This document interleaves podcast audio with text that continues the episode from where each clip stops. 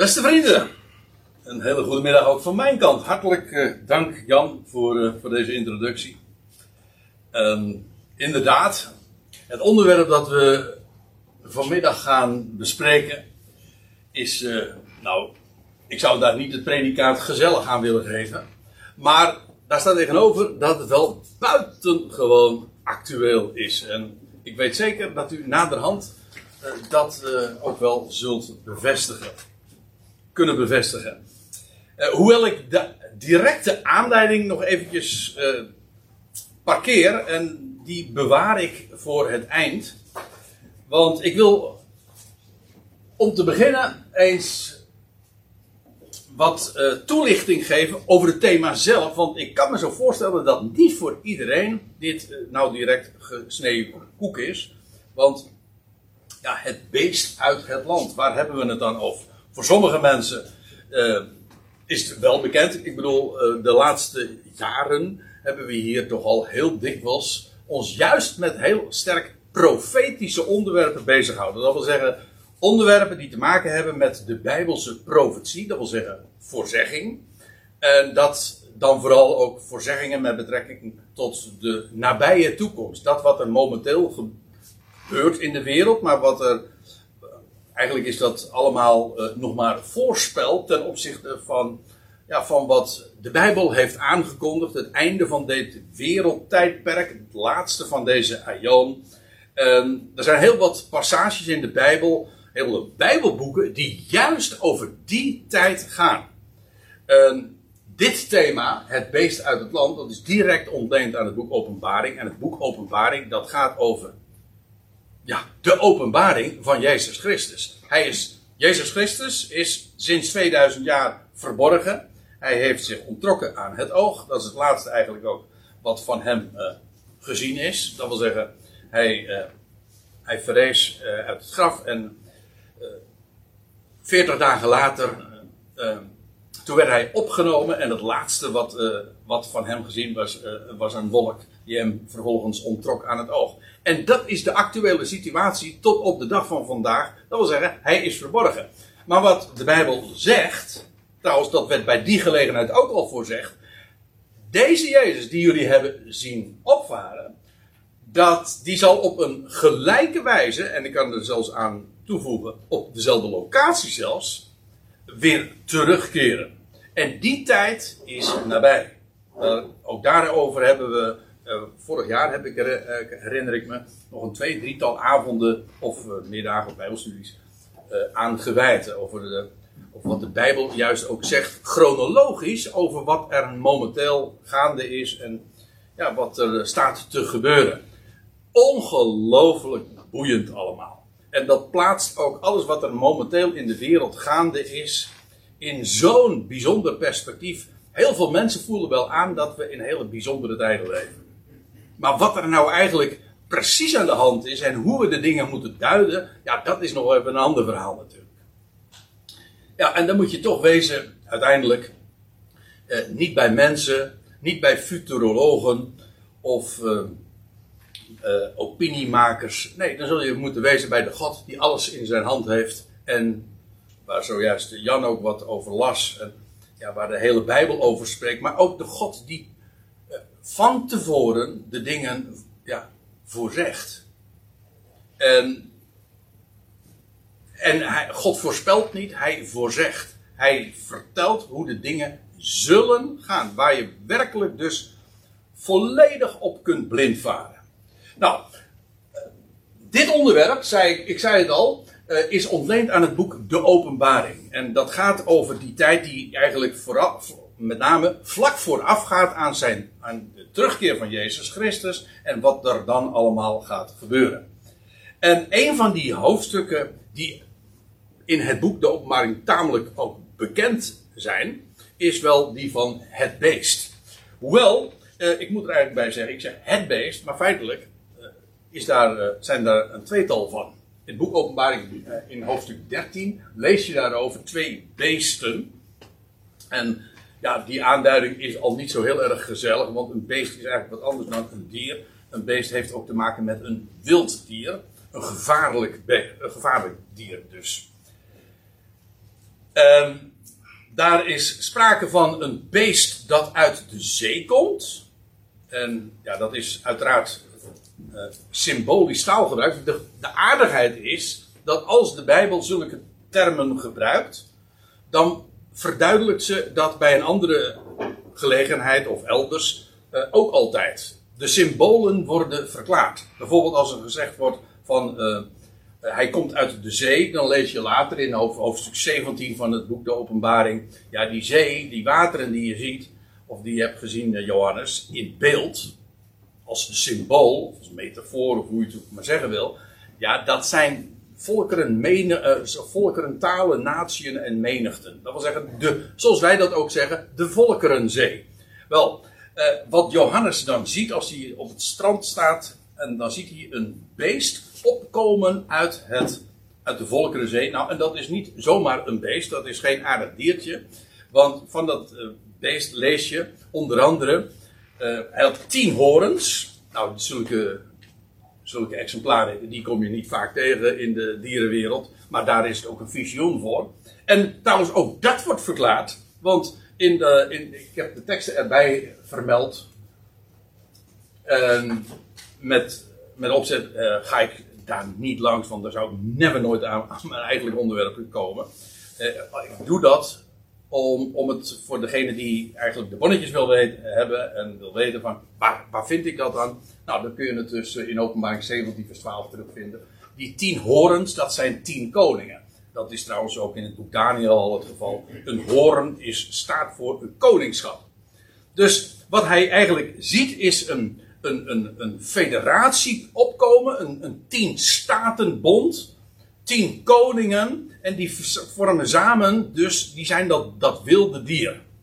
En dat is inderdaad geen gezellig dier. Uh, daarvan lees je trouwens ook nog dat het zeven hoofden heeft, of zeven koppen. En dat is in feite dus een draak. Want dat is uh, wat, uh, de definitie volgens mij ook van een draak. Namelijk dat het meerdere, meerdere hoofden heeft. En daarvan lees je trouwens ook dat, dat, die zeven hoofden, dat zijn zeven achtereenvolgende koningen. die dat beest heeft. Dat wil zeggen, die leider zijn die hoofd zijn van dat rijk. Dus je hebt een federatie van tien koningen. En dan, maar dat wordt geleid. En dan lees je dat, dat de zesde leider, vijf ervan vallen, lees je dan in hoofdstuk 17. Ik ben even heel, ik, ga, ik teken even grove lijnen. Om een klein beetje een indruk te hebben van het onderwerp. En dan lees je dat zesde hoofd, die zesde kop van dat dier. Dat wordt dodelijk getroffen. Maar wonderbaarlijk, het, en als ik zeg dodelijk getroffen, wordt maar niet, dat betekent dat maar niet uh, bijna dood, nee, het sterft. De leider van die federatie die dus nog moet komen, die, die zal sterven. En, en ja, dan, uh, dan die zesde leider die zal worden, uh, krijgt een dodelijke schotwond, of een ja, dodelijke wond, een hoofdwond. En dan lees je, hij sterft. En dan vervolgens, ja, als, de, als de, de leider van zo'n federatie sterft, dan moet hij plaatsmaken voor, eh, of in ieder geval, dan komt er een volgende leider. En, en die zevende leider, die treedt dan op. Maar wat gebeurt er? Die, die, dat, die zesde kop herstelt, herleeft. En, en, die, en die, die vervangt dus eigenlijk gewoon, of ja, die volgt. Die vervangt zijn opvolger, nummer 7. Dus zodat de zesde ook de achtste is. Het is wat ingewikkeld misschien, als ik het zo zeg, maar uh, het, valt wel mee. Uh, in ieder geval, de, eh, het, is de zesde. Hij sterft, maar doordat hij dan vervolgens weer herleeft, neemt hij het stokje van die zevende alsnog over. Dus hij is ook de achtste. Het wordt allemaal zo verklaard. Ja, en dan lees je ook nog die federatie, waar bevindt zich dat? Wel in het Midden-Oosten, want het, het, de grote stad, de hoofdstad van die federatie, van dat rijk, dat heet Babylon. En een heleboel mensen die vragen zich af wat dat eh, dan betekent, op welke stad dat zou slaan. En sommigen zeggen, uh, de meesten zeggen uh, dat is Rome. Maar ik heb persoonlijk een andere verklaring voor wat, waar Babylon voor staat, namelijk Babylon. Ja, gewoon de grote stad, trouwens aan de Eufraat. En in het huidige Irak dus. Die stad gaat dus En met excuus dat dat momenteel totaal nog niet zichtbaar is. Maar die stad gaat dus nog een hele grote rol spelen. En wordt dus de hoofdstad van die federatie. Oké, dat is dat beest uit de zee. Soms, uh, dat is soms wat lastig, maar dat beest uit de zee slaat of op het totaal, of op die ene specifieke leider, die, die zesde kop die herleeft. In beide gevallen, ja, eh, het, eh, het beest staat ook dus gewoon voor het hoofd. Of anders, beter anders gezegd, eh, het hoofd staat voor het totaal. Dat is helemaal niet gek, want zo spreken wij er ook dikwijls over. Nou, dan heb je nog een ander beest. En daar focussen we ons vandaag op. En de volgende ook, want dit is de eerste studie. En over een maand hopen we, zo we de tijd van leven hebben.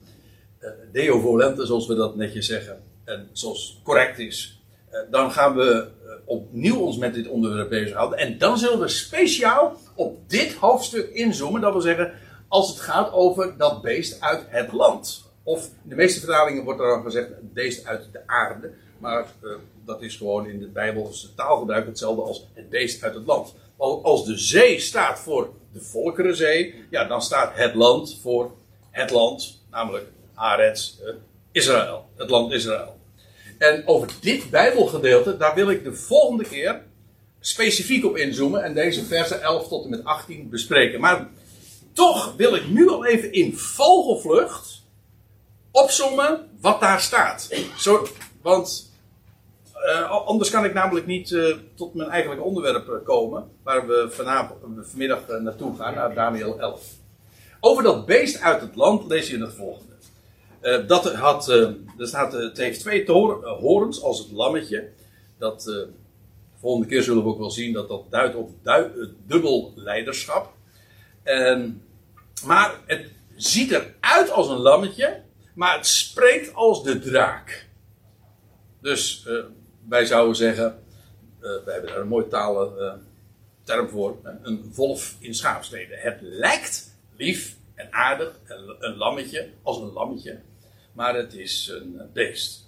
Ik wou wel zeggen een lamzak, maar dat, dat, dat, is eigenlijk nog, dat is eigenlijk nog te aardig.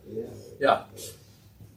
En van dit beest het, het, het wordt dikwijls eigenlijk ook in één adem genoemd. Zijn de twee beesten. De een komt uit de zee en de ander komt uit het land. Maar in feite, het is twee handen op één buik, om zo te zeggen. Want het oefent daar. Overigens, wat ik nu eventjes opsom, dat is allemaal direct ontleend aan vers 11 tot 18. Ik verklaar hier eigenlijk niks. Ik zeg alleen wat er in dat gedeelte beschreven wordt. Het oefent uh, dit beest uit het land, Israël, uh, oefent de macht uit van het eerste beest. En dat wil zeggen van, en daar staat er nog bij, dat hersteld is van de aanslag. En men zal het ook aanbidden. Wat trouwens niet zo gek is als je daarover doordenkt. Probeer je voor te stellen dat als daar een machtige leider, wereldleider, zo'n grote federatie daar in het Midden-Oosten. Uh, als die dan komt te overlijden, te overlijden te, uh, een, door een moordaanslag sterft. En als die dan na x tijd. Zou het na drie dagen zijn? Ik weet het niet. Ik fantaseer maar wat. Maar in ieder geval, als die herleeft. Dat de hele wereld zich zal vergapen daaraan. En, men, en inderdaad, dan ontstaat daar in feite een religieuze verering voor dat beest. Nou, eh, dat beest uit het land, die oefent de macht uit van het eerste beest lokaal in het land. En uh, hij maakt ook dat allen die in het land zijn, Israël, het eerste beest zullen aanbidden. Uh, het doet bovendien, lees je, grote tekenen en het verleidt. En dan gebeurt er nog iets, en dat speelt ook een hele grote rol in de Bijbelse profetie. Het laat een beeld maken. Uh, het laat een beeld maken van dat beest dat genezen is of hersteld is van die dodelijke wond. En zodanig Geloof het of niet, maar zo staat het er ook. Dat beeld krijgt een geest, zodat het ademt en dat het ook kan spreken. Het, ja, het ontvangt geest, staat er. En eh, zodat het, kan, uh, zodat het zal spreken. En, maar heel, dit is ja, technologie waar we nu zelfs nog niet, uh, zover zijn we nog niet. Maar in ieder geval, van dat En of dit alleen maar technologie is of, of magie, of dat de grenzen tussen die twee gebieden zo, uh, zo fluïde worden dat dat nauwelijks nog verschil maakt. In elk geval, het beeld zal maken uh, dat allen die het beeld niet aanbidden, gedood zullen worden. Er ontstaat dan een tijd van enorme verdrukking. Je leest ook dat ieder die het beeld aanbidt, die krijgt dan een merkteken op de rechterhand of op het voorhoofd. Zo, en dat heeft alles te maken met het getal 666. Nou, dit is, uh, zelfs in de seculiere wereld zijn dit bekende symbolen. Het beest, de beest. Hè. Ja, ik bedoel niet van Beauty and the Beast, maar de beest. Uh, nou, bijvoorbeeld van uh, Supertramp. Hè. They can't kill the beast. Die. en dan ook nog dat 666. Ik bedoel, dat zijn, het zijn symbolen geworden. Het, het zijn apocalyptische termen, maar weet u dat het woordje apocalyps gewoon ook direct ontleend is aan de naam van dit Bijbelboek? Dat heet de openbaring, oftewel op zijn Grieks de apocalyps. Dat betekent de onthulling, de openbaring. Maar in ieder geval, uh, degene die dat merkteken dan krijgen, die kunnen kopen en verkopen. En degene die dat dus niet zijn, die zijn uitgesloten van, het hele, van de hele economie. En kunnen. Uh, kijk, dit zijn dingen die zich. Uh, die zich momenteel wel heel sterk al aandienen. Dit soort ontwikkelingen. De volgende keer komen we daar zeker nog wel over te spreken. Wat, waarom ik hierop wijs. Kijk, in deze korte serie gaat het over het beest uit het land. Over, over deze, over dit figuur. Maar wij maken al eerder kennis met hem. En wel niet in de Griekse uh, geschriften, en niet in ons Nieuwe Testament, maar in de Hebreeuwse Bijbel, in het boek Daniel. Daniel 11 spreekt ook al over hem, over deze figuur. En daar, moeten we, daar wil ik vanmiddag aandacht voor vragen. Maar voordat ik dat kan doen, moet ik eerst even wat vertellen over Daniel 11. Uh, want we gaan ons bezighouden met deze vier, vijf versen uit Daniel 11. Waarin dezezelfde figuur uh, beschreven wordt. Laat ik eerst even wat zeggen over Daniel 11 ook. Uh, de eerste 35 hoofd, uh, hoofdstukken, versen van, dat hoofdstuk. Dat is namelijk historisch. Het, die Daniel 11, aan Daniel wordt dan verklaard wat er in de dagen van de toekomst zou gebeuren. En dat heet het boek van de waarheid. En ik ga u maar even na. Ik heb de versen erbij vermeld eerst tegen Daniel wordt gezegd. Daniel stond aan het begin van het Persische Rijk van, uh, van Cyrus, Kore, oftewel Kores, die, de man die ooit de tempel deed herbouwen. En dat tegen Daniel wordt dan gezegd: er zullen nog vier Persische koningen volgen.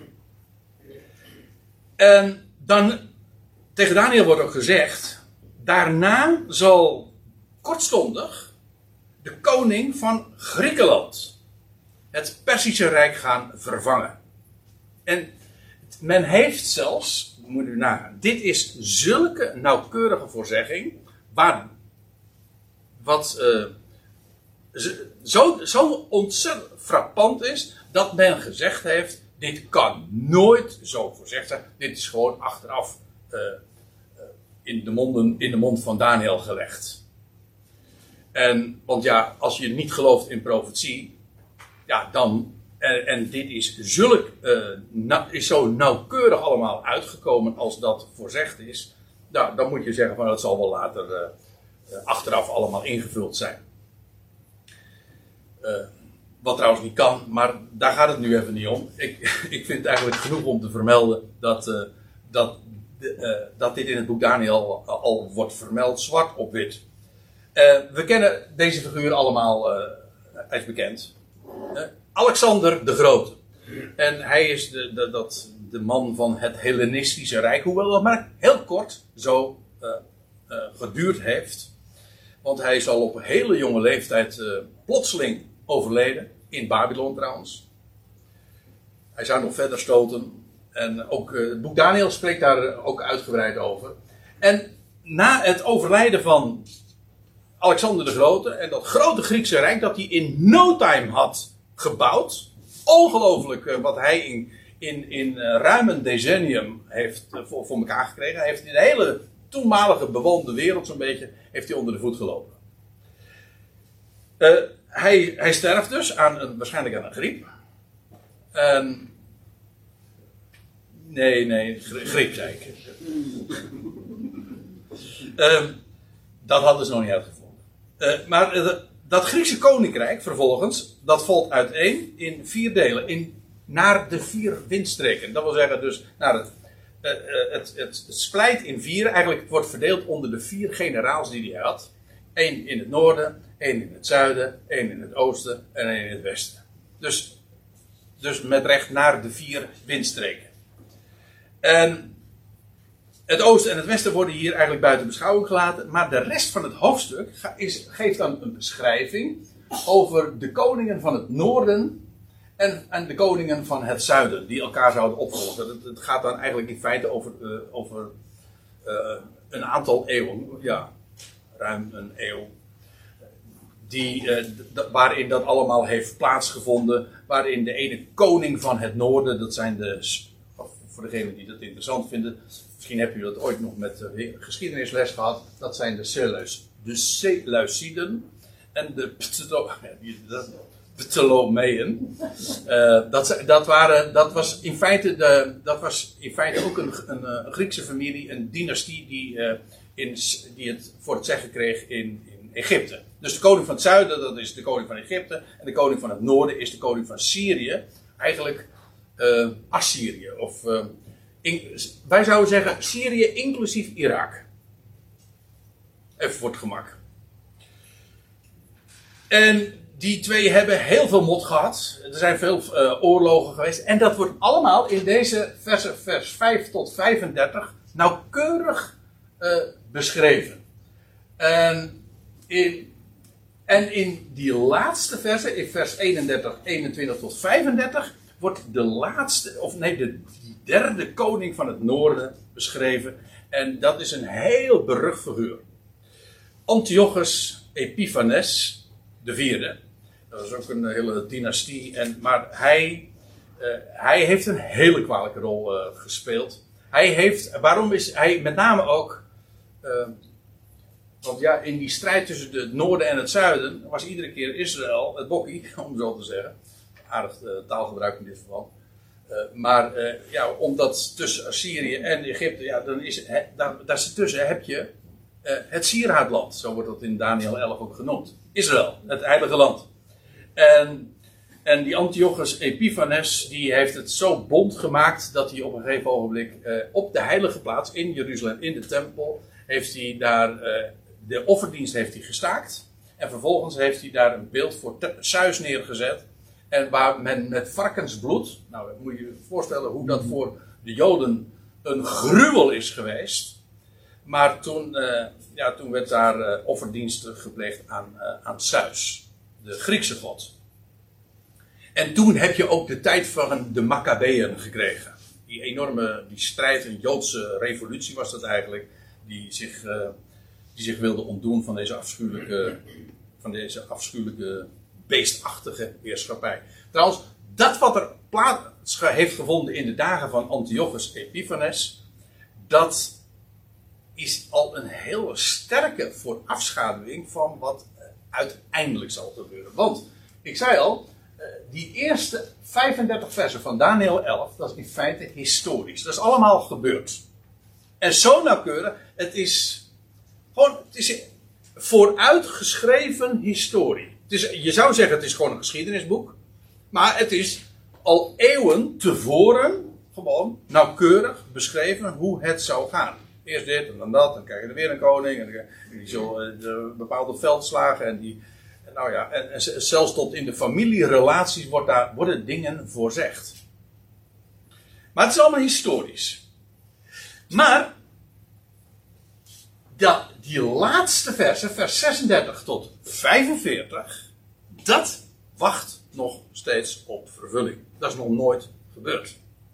Dat kan ook niet, want die laatst beschreven koning, die zal in de eindtijd optreden. Die term eindtijd, de tijd van het einde, die komen we juist in dit hoofdstuk twee keer tegen, Daniel 11, trouwens in Daniel 12 ook nog een keer voor de rest komen we in de hele Bijbel de term eindtijd niet meer tegen.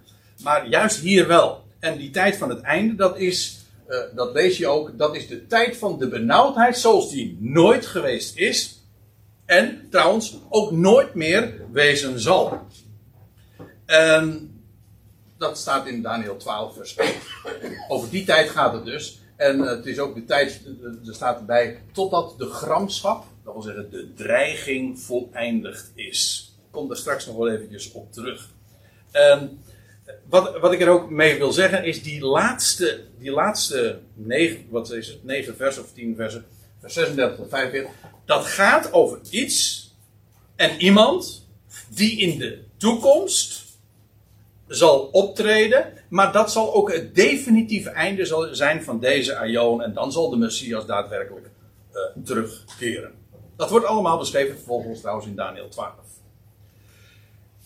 En dat is één ding. Dus de break tussen historie, dat wil zeggen dat het, het verleden en dat wat in de toekomst nog gaat gebeuren, die ligt bij vers 36. Dat, dat is de.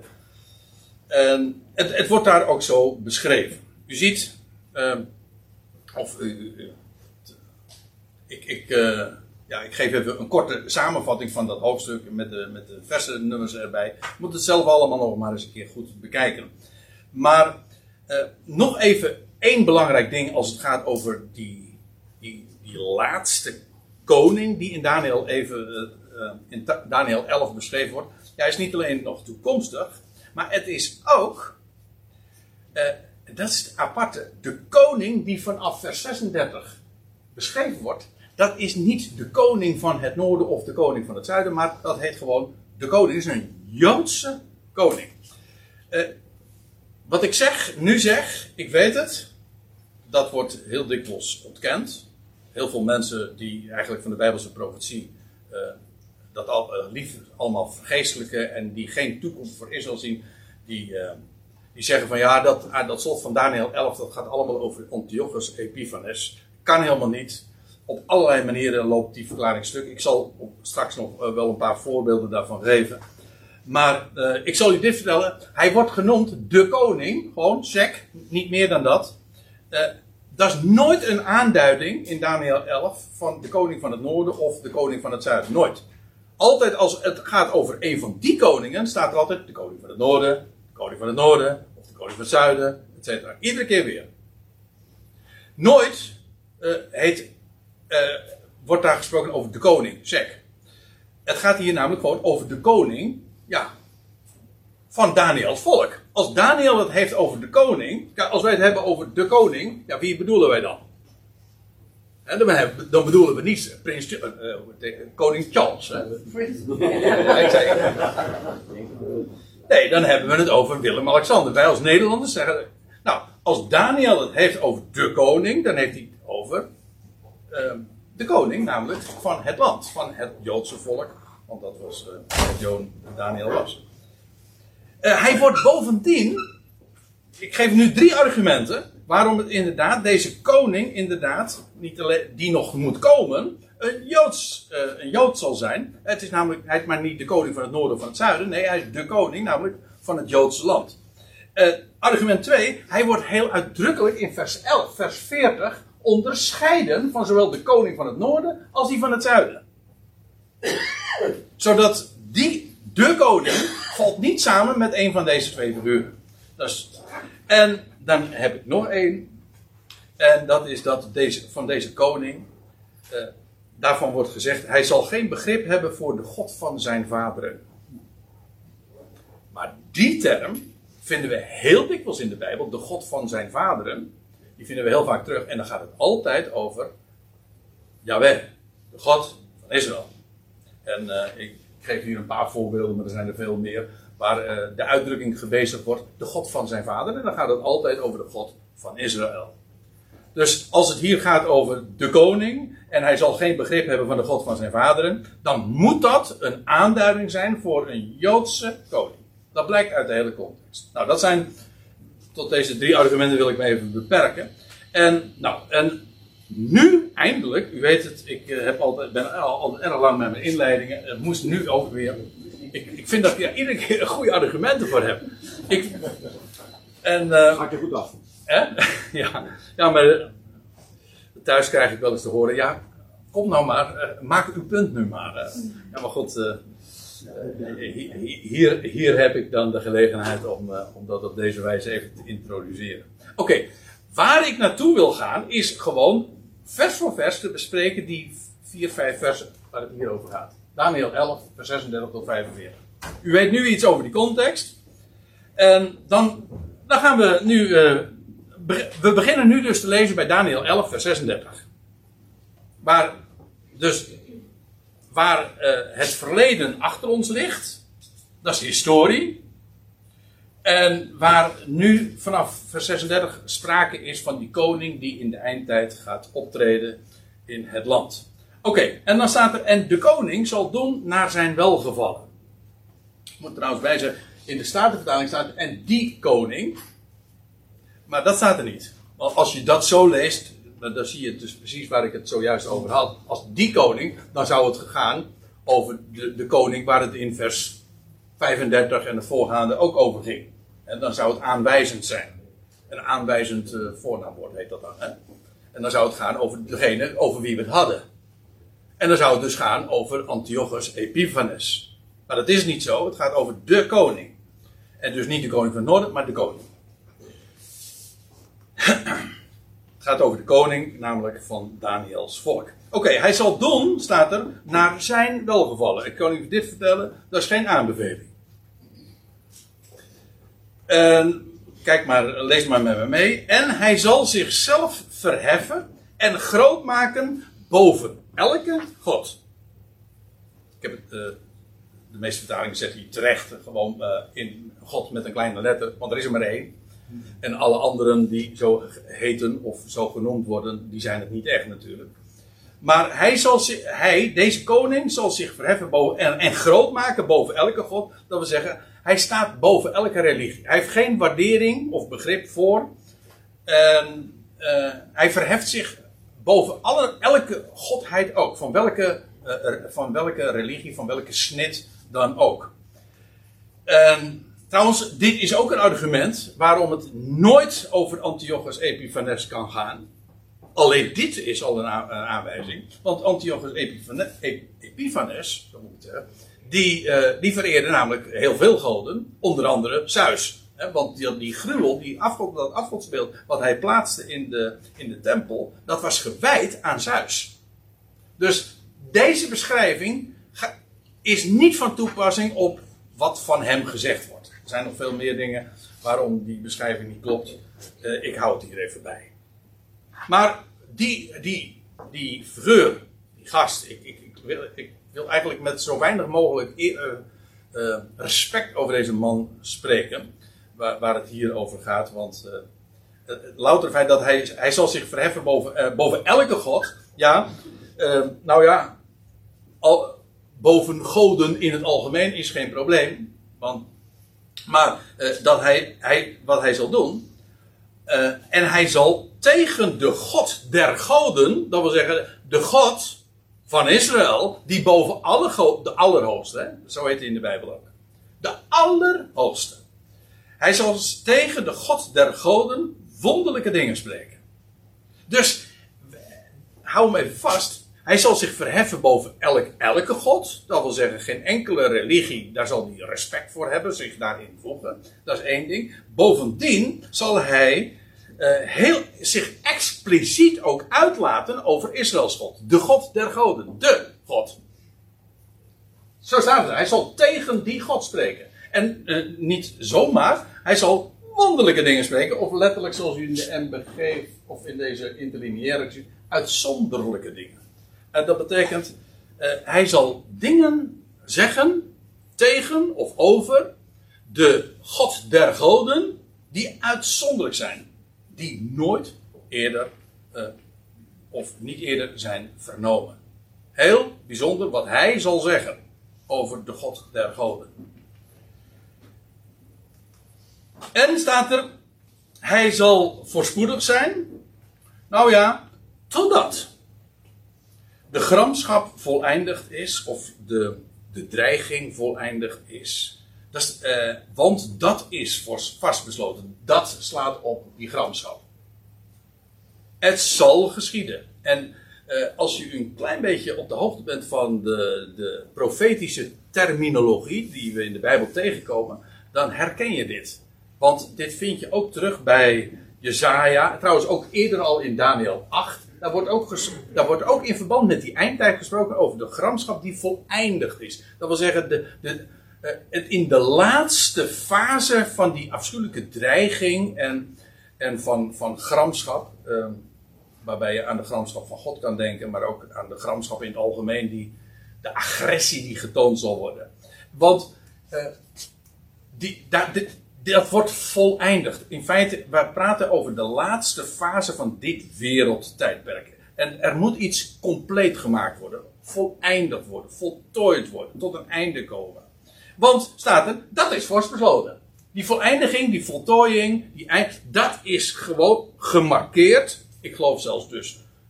God uh, staat in, in uh, Handelingen 17. God heeft een dag bepaald. Gewoon zoals wij in de agenda uh, zeggen: die datum prikken we. En dan gaat het gebeuren. Nou, God heeft zo ook zijn agenda. Ik wou zeggen agenda 2030, maar laat maar even. Maar in ieder geval, God heeft, zijn agenda, en God heeft een dag bepaald en dat is vastbesloten. Het zal geschieden. Zoals alles wat in Daniel 11 beschreven wordt, dat is zo, zo nauwkeurige profetie, dat de criticasters, de onge, zeggen maar, dat kan nooit van tevoren zo gezegd zijn. Dat zal wel achteraf uh, allemaal uh, verzonnen zijn. Oké. Ik vind het leuk. Dat vind ik echt mooi, man. Oké. Uh, hij zal, hij, maar in eerste instantie zal hij buitengewoon voorspoedig zijn. Succes hebben dus. Zo zeggen wij dat. Maar, totdat. En staat er dan bij, ik, wees al eventjes op in verband met de argumenten dat dit inderdaad om een Jood ging. Uh, maar nu komen we het uh, weer gewoon uh, op deze wijze tegen. En voor de God van zijn vaderen zal hij geen begrip hebben. Aha. Dus ja, dat is zoals gezegd, dit is typisch dus de aanduiding dat het om, om een Jood gaat. En hij kent traditioneel, gewoon als hij teruggaat in de generaties, de verering van God. Maar deze Jood, die koning zal zijn, leiding zal geven in het Joodse land. Hij zal uh, niet religieus zijn, neerkijken op religie. In feite, hij gaat zichzelf, hij zal, gaat religie vervangen door zichzelf. Hij zal zich verheffen boven elke God. Dat betekent dus dat hij feitelijk zelf God wordt. Hè? En, en voor de God van zijn vader zal hij geen begrip hebben. Hij, hij zal uh, daar geen enkele waarderingen voor hebben, maar ook niet verstaan en begrijpen. En er staat nog iets. Hij, voor de God van zijn vader zal hij geen begrip hebben, nog voor de begeerte der vrouwen. Hé, hey, die is eigenaardig. Want uh, deze deze, voorze deze. De, de, er zijn verschillende uh, verklaringen. De bekendste verklaring is. Die heb ik altijd al een beetje ver gezocht gevonden. Maar goed, als je niet. Als je niet beter wil. Als je, kijk, als je het niet direct vindt. Dan, dan zoek je het dus verder. Hè, en dan krijg je iets verder gezocht. Ja. Uh, hij is, maar de meest. Kijk, de, de, de gangbare verklaring, als u het in de waarschijnlijk in de, in de kanttekeningen van de Statenvertaling of in andere uh, exegetische boeken, dan zul je waarschijnlijk de verklaring vinden uh, dat hij, uh, hij geen waardering of geen begrip of geen achting zal hebben. Zo staat het toch, hè? Hij zal geen acht slaan op. Oh ja, dat is de term. Letterlijk geen begrip hebben voor. Maar geen achting hebben voor de Messias. En de gedachte is dan, zoals zo verklaart men dat. Kijk, elke Joodse vrouw die eh, heeft eigenlijk één begeerte, één verlangen, en dat is de Messias voor te brengen. Nou, daar voor de Messias zal hij geen achting hebben. Is dat uitgesloten? Nee. Maar ik vind hem ver gezocht, want de, meest, de primaire verklaring van hij zal geen begrip hebben uh, voor de God van zijn vader, nog voor de begeerte van vrouwen, dat betekent gewoon, hij begeert geen vrouwen. Is dat, is dat ver gezocht? Nee toch? Dat is, uh, en, maar eigenlijk nog, het gaat nog verder. Hij zal geen begrip, geen, eh, hij demonstreert ook zijn onbegrip daarvoor. Dus gaat, dat gaat trouwens nog wat verder. Dat, het, heeft ook iets te maken met uh, conceptueel. Geef toe, je, je zou gemakkelijk al te veel in kunnen vullen. Maar er staat, hij zal geen begrip hebben voor de begeerte van vrouwen. Of je zou kunnen verklaren dat hij zal de, dat het feit dat vrouwen hem begeren, daar zal hij geen begrip voor hebben. Of hij zal zelf geen begrip hebben, geen begeerte hebben van vrouwen. Maar dat komt in de praktijk toch op hetzelfde neer. Hou hem vast. Het, zo wordt het vermeld. Kom er straks nog op terug. Uh, er staat er nog bij. Dus laten we het nog even willen. En voor de God van zijn vaderen zal hij geen begrip hebben. Nog voor de begeerte van vrouwen. Nog voor enige God. Want hij zal zichzelf boven alles groot maken. Nog voor enige God.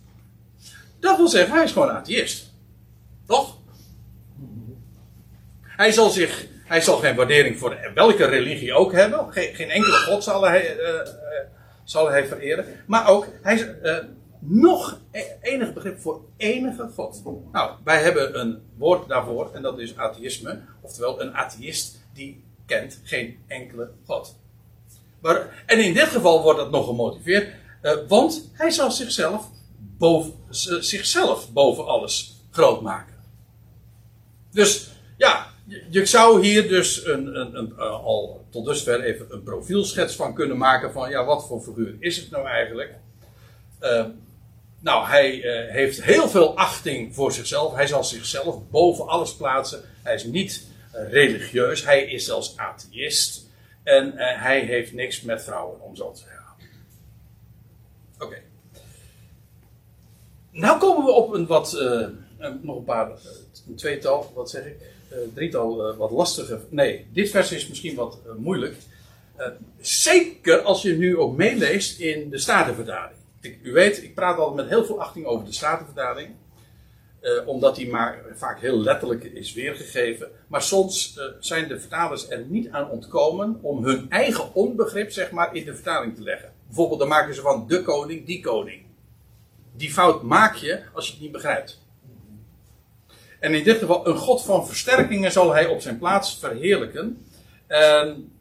In, de, in, uh, de Statenvertaling, dat is niet per se fout trouwens, maar die, die vertalen het uh, Ma'usim. De God van Ma'usim zal hij verheerlijken. En die hebben dus het woord hier, dat Hebreeuwse woord Ma'usim, dat is een meervoudsvorm, hebben ze onvertaald gelaten. Maar ja, daar worden wij niet echt veel wijzer van, want wat, we, wat is Ma'usim dan? Ja, in, kijk, dit woord Ma'usim, ook als meervoudsvorm, vind je in de Bijbel, in het Oude Testament, de Hebreeuwse Bijbel, heel vaak uh, uh, terug. En dan wordt het meestal vertaald met sterkte, een vesting, een schutse of een burcht. Nou, woorden van gelijke strekking. En in al die gevallen praten we dus over versterkingen. Dat is trouwens ook de letterlijke betekenis. Dat, dat, dat, hier zit het woordje os in. Dat betekent inderdaad kracht. Maar osim is trouwens, heb ik begrepen, ook in Nederland een uh, maos. Een, een, een, Joodse vegetarische keten van restaurants. Niemand kent het, maar ik, ik kende het ook niet, maar ik las het. in ieder geval, dat, dat os of as. Onze, onze zoon heet bijvoorbeeld Boas en dat betekent in hem is kracht. Dat, en, en dat woord, dat zelfs al naamwoord os, sterkte of kracht, zit hierin. En in dit geval meervoud, dan praat je dus over sterken of versterkten, of in de zin van versterkte plaatsen, burchten. Maar het kan ook versterkte objecten zijn, voorwerpen, voorwerpen objecten die kracht, krachtig gemaakt zijn. Dat is allemaal ma'usim. Uh, nog eventjes, want misschien is het nu nog niet helemaal duidelijk. Een God van versterkingen zal hij op zijn plaats verheerlijken. Maar die is, als je het zo leest, in de MBG-vertaling ook, dan is het onbegrijpelijk. Want eerst staat er in vers 37, hij zal geen enkele God erkennen. En dan staat er in vers 38, hij zal de God van Ma'usim op zijn plaats verheerlijken. Wacht even, maar hij, hij zou toch toch geen enkele God vereren. Maar, ja, hij zal zichzelf namelijk verheffen. Kijk, aangezien de koning geen enkele God zal vereren, maar zichzelf zal verheffen, is deze God van versterkingen gewoon hijzelf. Niet een ander, maar hijzelf.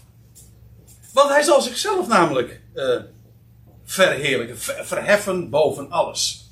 En deze God van versterking, ja, dat is hij zelf, dat is het beest. En nou maakt het eigenlijk even niet uit of je verstaat het beest uit de zee of het beest uit het land. En in beide gevallen praten we over beest. Weet je trouwens dat um, van dat beest uit de zee, leider, die, weet je wel, waar ik het eerder over had, die hersteld is, die herleeft.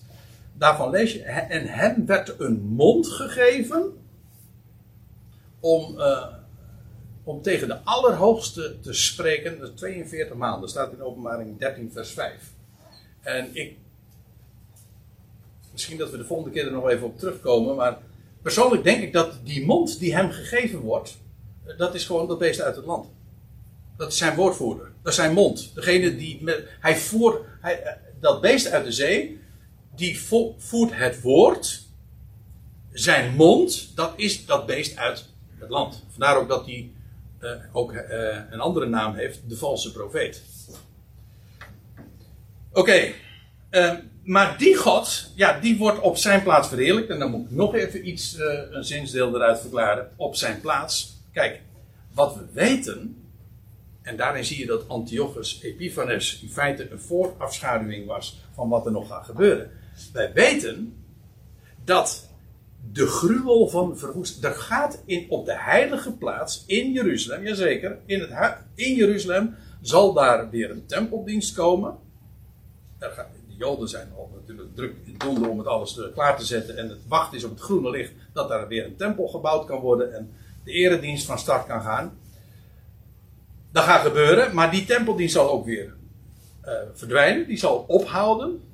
Uh, en dan lees je, dan in plaats daarvan zal een afgodsbeeld neergezet worden. Een beeld. Maar daarover hadden we het al uh, eerder en waar we de volgende keer dus ook eh, uitgebreid op terugkomen. Namelijk dat het beest uit het land gaat een beeld neerzetten. Waar? Op de heilige plaats. In Jeruzalem. En niet zomaar een beeld. Nee, een beeld dat hij. Eh, waarvan hij het vermogen geeft. Eh, hij geeft geest. En hij zal ook maken dat het kan doden. Dus dat is maar niet zomaar wat, hè? En als mij die gruwel die, die dat afgodsbeeld op die heilige plaats. Oftewel, de mens der wetteloosheid die zich in de tempel zet.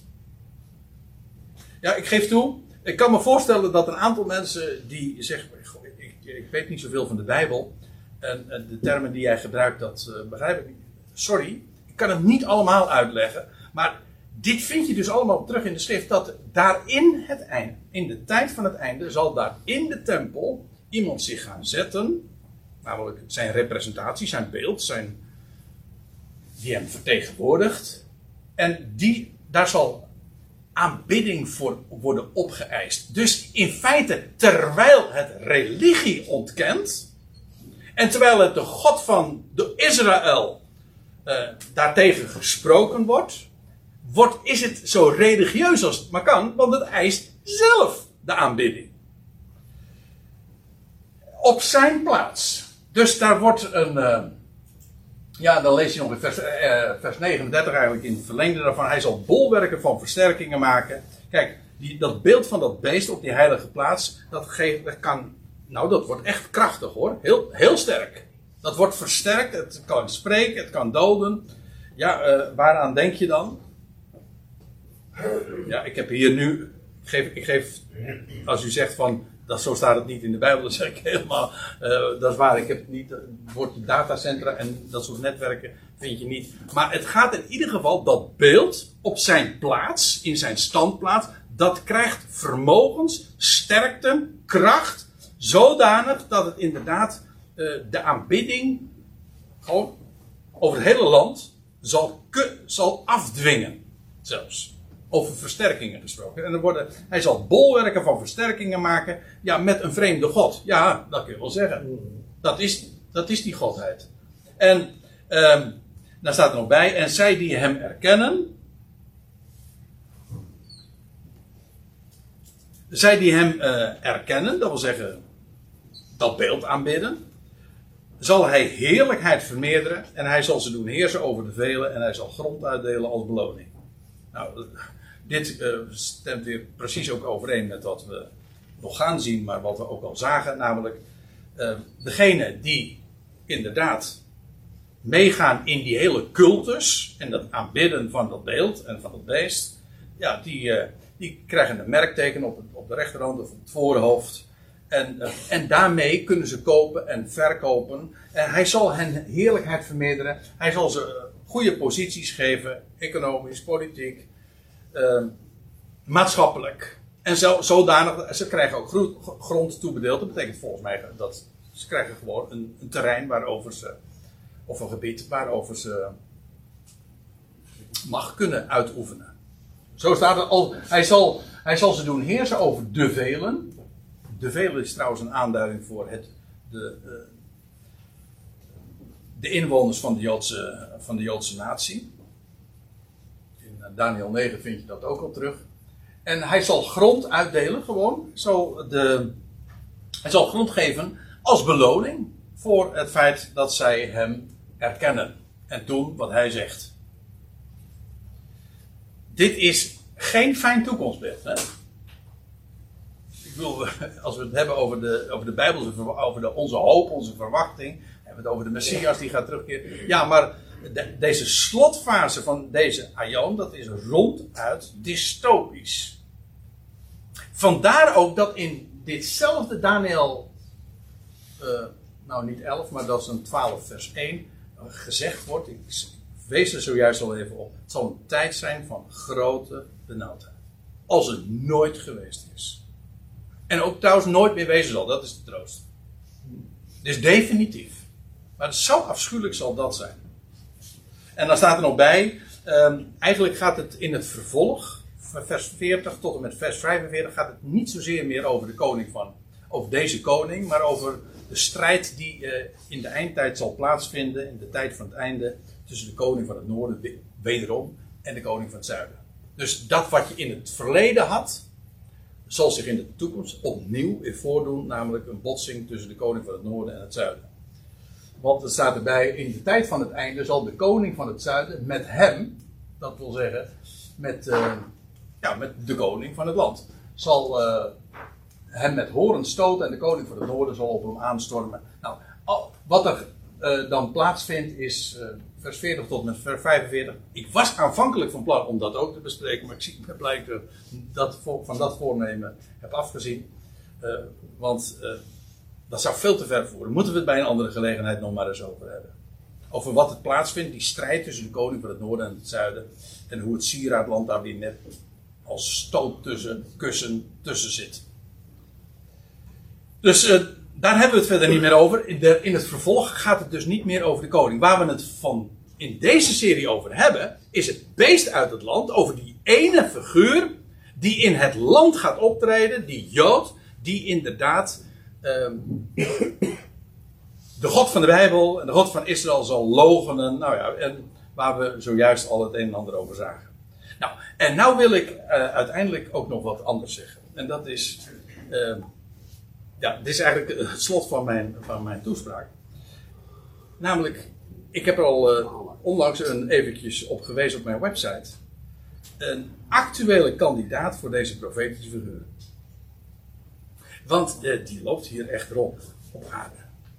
Een figuur die zo uh, nauw aansluit bij wat de Bijbel beschrijft over wie het zal zijn. Begrijp me goed, ik zeg het is een actuele kandidaat. Ik zeg niet dat het hem is, want het kan altijd nog zijn dat er een betere kandidaat komt. Uh, ja, dat weet, ik, dat weet ik niet. Ik zeg alleen, er is iemand momenteel die heel goed voldoet aan het profiel, zal ik maar zeggen, wat we tot dusver hebben gelezen. En ik doel op deze man. Yuval Noah Harari. En deze man die is uh, geboren in uh, 1976. En nou, laat ik eens even een aantal dingen over, uh, over hem naar voren brengen. Hij was onlangs, twee weken geleden, was hij in Nederland.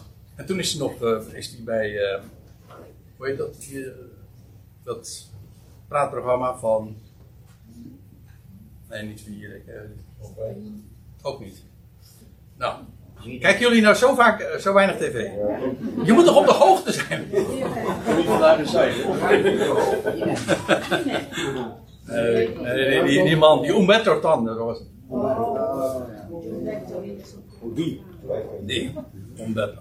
Ja, nou, daar was hij te gast. En, uh, maar nee, laat ik eerst even wat zeggen over wie hij is. Hij is een hoogleraar in Jeruzalem, hij is een historicus en futuroloog. Futuroloog, daar zit het woordje future in en dat betekent dus iemand die zich bezighoudt met de toekomst. En hij heeft inmiddels echt wereldfaam bereikt met zijn boeken. Hij heeft, het zijn echt absolute bestsellers. Met zijn boeken Sapiens, dat wil zeggen uh, Homo sapiens, uh, het mensensoort uh, waar u en ik toe behoren. En het boek Homo Deus.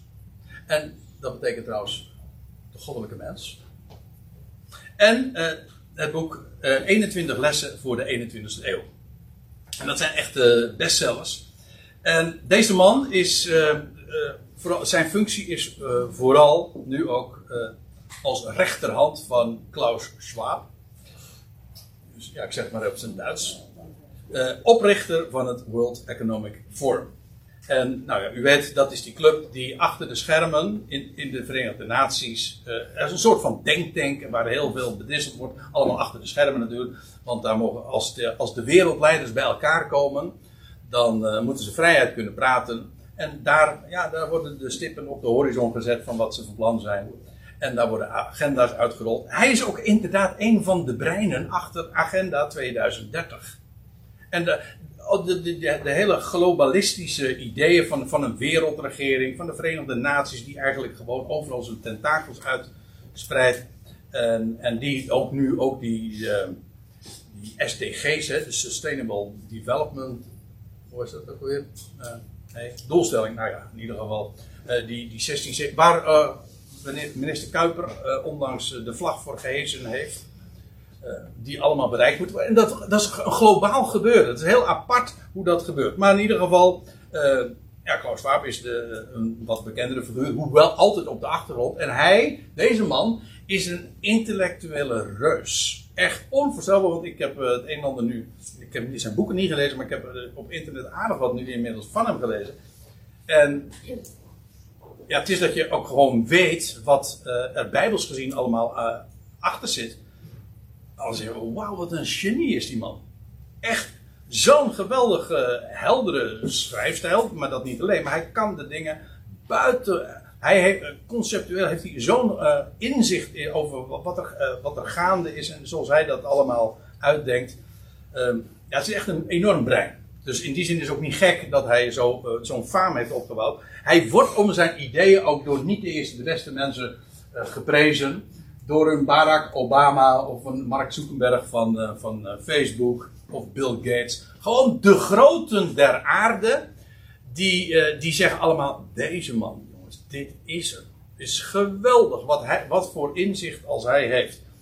En hij is ook expliciet, zo een, zowel een atheïst als een homoseksueel. Ja, dat, is, uh, dat zijn geen beschuldigingen. Het is gewoon zoals hij zichzelf ook heel uitdrukkelijk afficheert. En nog iets. Die dat kent u misschien niet zo. Je hoort daar niet zo heel erg veel voor, dat woord. Maar hier zit zoveel achter. Hij is een uitgesproken transhumanist. En het uh, transhumanisme, dat is een stroming die gelooft, of die benadrukt, dat de mens nu zijn eigen evolutie in de hand moet nemen. En door middel van software, door genetische manipulatie, door nanotechnologie, gewoon door, dus echt door de nieuwste skills en vaardigheden, de technieken die er zijn, eh, moet de mens zichzelf upgraden tot een godheid. Dat is transhumanisme.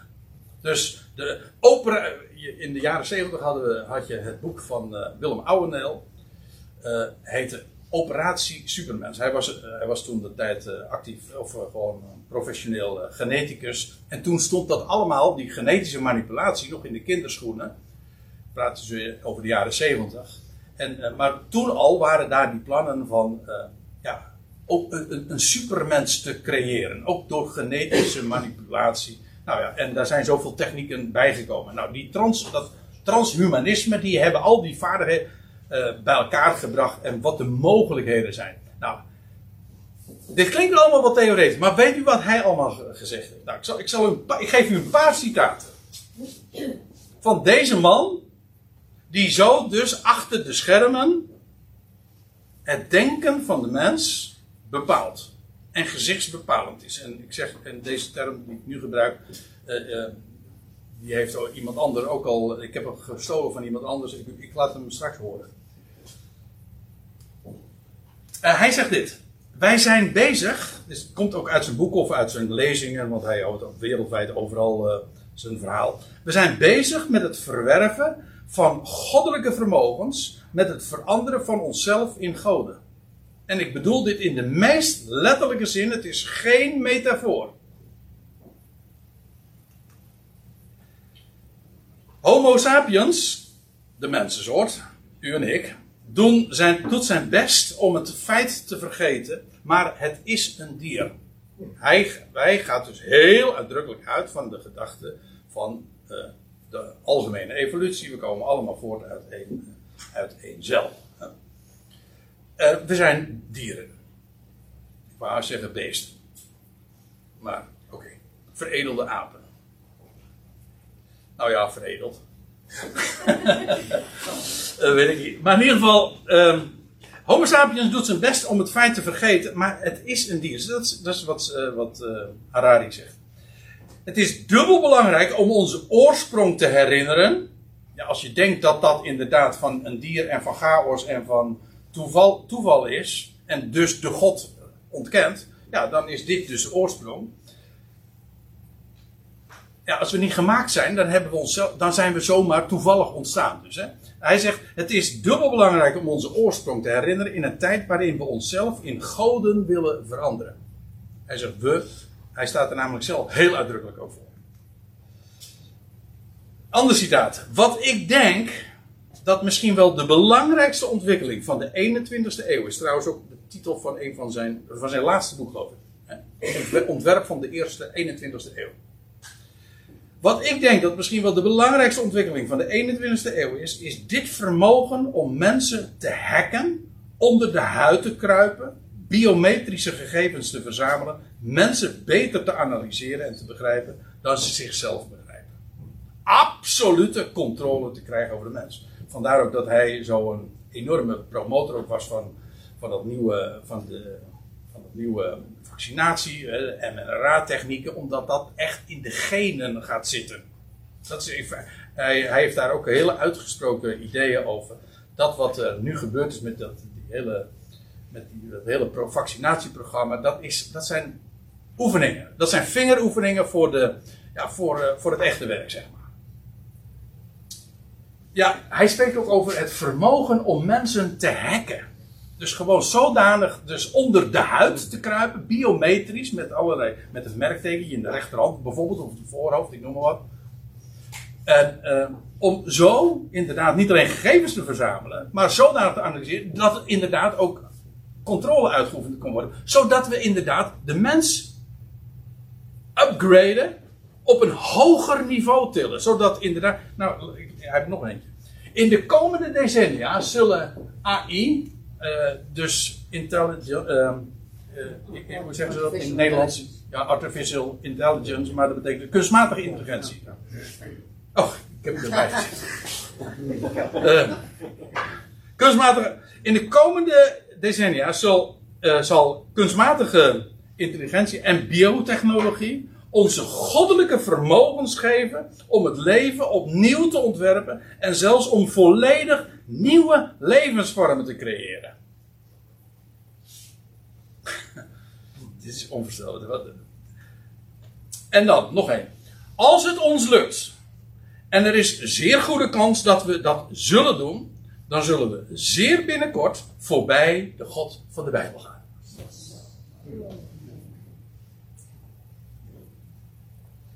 dit is. Je, je, je gelooft je ogen niet. Maar dit, is, dit zijn de uitspraken die hij doet. Een Jood, Hij, hij, hij is hoogleraar aan de universiteit van. Jeruzalem. En hij zegt, en dit zegt hij dus over de God van zijn vaderen.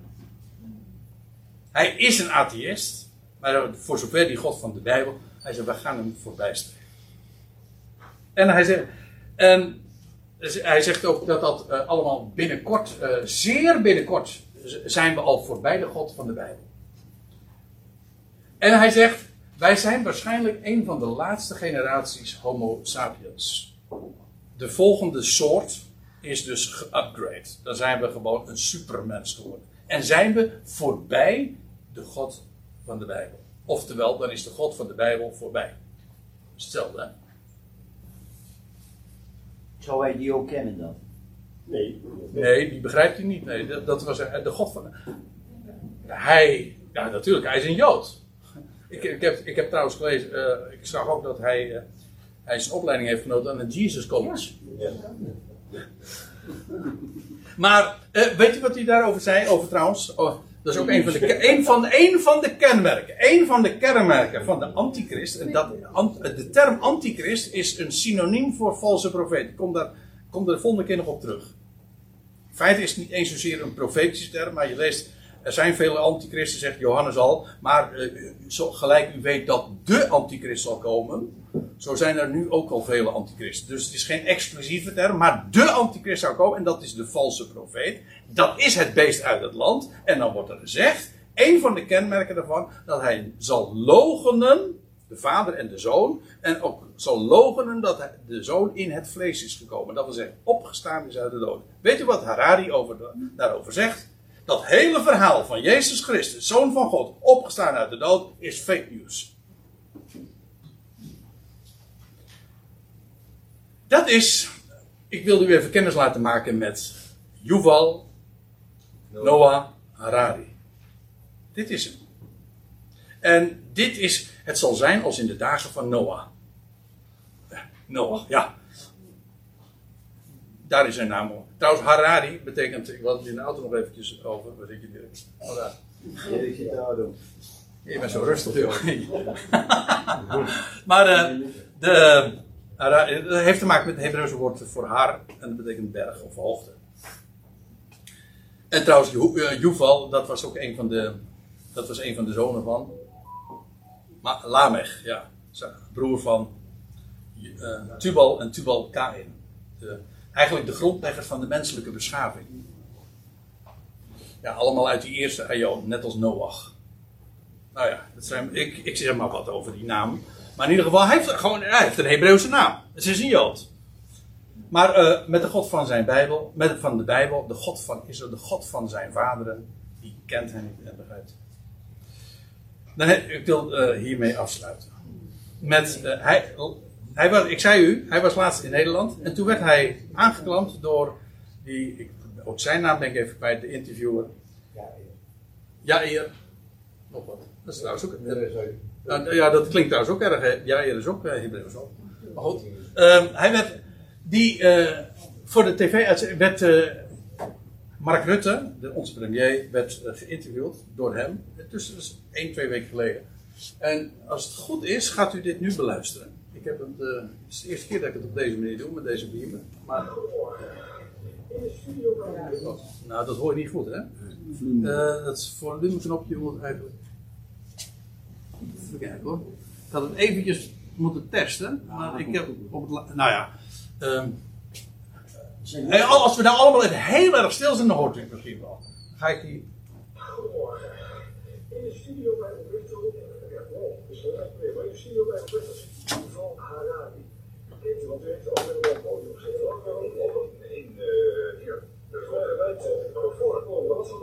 Ja, het is een, een zo ongelooflijk eh, knappe vent. Uh, Sinds vermalend, hij heeft een prachtige boek geschreven. Maar wat maakt zijn werk zo goed? Want hadden we hij, hij kan die uiterst complexe problemen voor allemaal uitleggen. Dus ehm, eh, zijn boeken zijn over het- zijn lessen van de 21e eeuw en andere boeken. Het zijn allemaal, eh, eh, ja, laten we zeggen, eh, niet verzindelingen, maar hij legt het uit op een manier dat iedereen het ook. Uh, uit voor zelf dat ik het ook begrijp. Op zich is er wel een groot Nou ja. Eh, Ik kwam niet helemaal tot z'n recht, maar heb u het eh, een beetje gehoord? Nou, op mijn website heb ik trouwens ook een link naar geplaatst. Want Het filmpje kun je dus op internet gemakkelijk terugvinden. maar uh, of mocht u het niet helemaal goed verstaan hebben, wat Mark Rutte laat zich zeer lovend over hem uit. Hij heeft hem trouwens zelf ook meerdere keren ontmoet. En hij zegt een gezichtsbepalend iemand. En ja, dus vooral zijn boek Lessen of Ontwerp van de 21ste eeuw ja, dat, dat maakt precies duidelijk waar, het eigenlijk, waar we naartoe moeten als mensheid. Woorden van gelijke strekking. zo, met deze man is. wordt, deze man bedoel ik nu dus even Harari. Die wordt dus zo door de grote aarde op handen, handen gedragen. En dit is het. Naar hem moeten we luisteren. Want hij weet hoe het in elkaar zit. Hij kan het zo geweldig allemaal vertellen. En die man, die Harari, is een hele sympathieke man. Hij spreekt als het lammen. Echt een hele sympathieke man.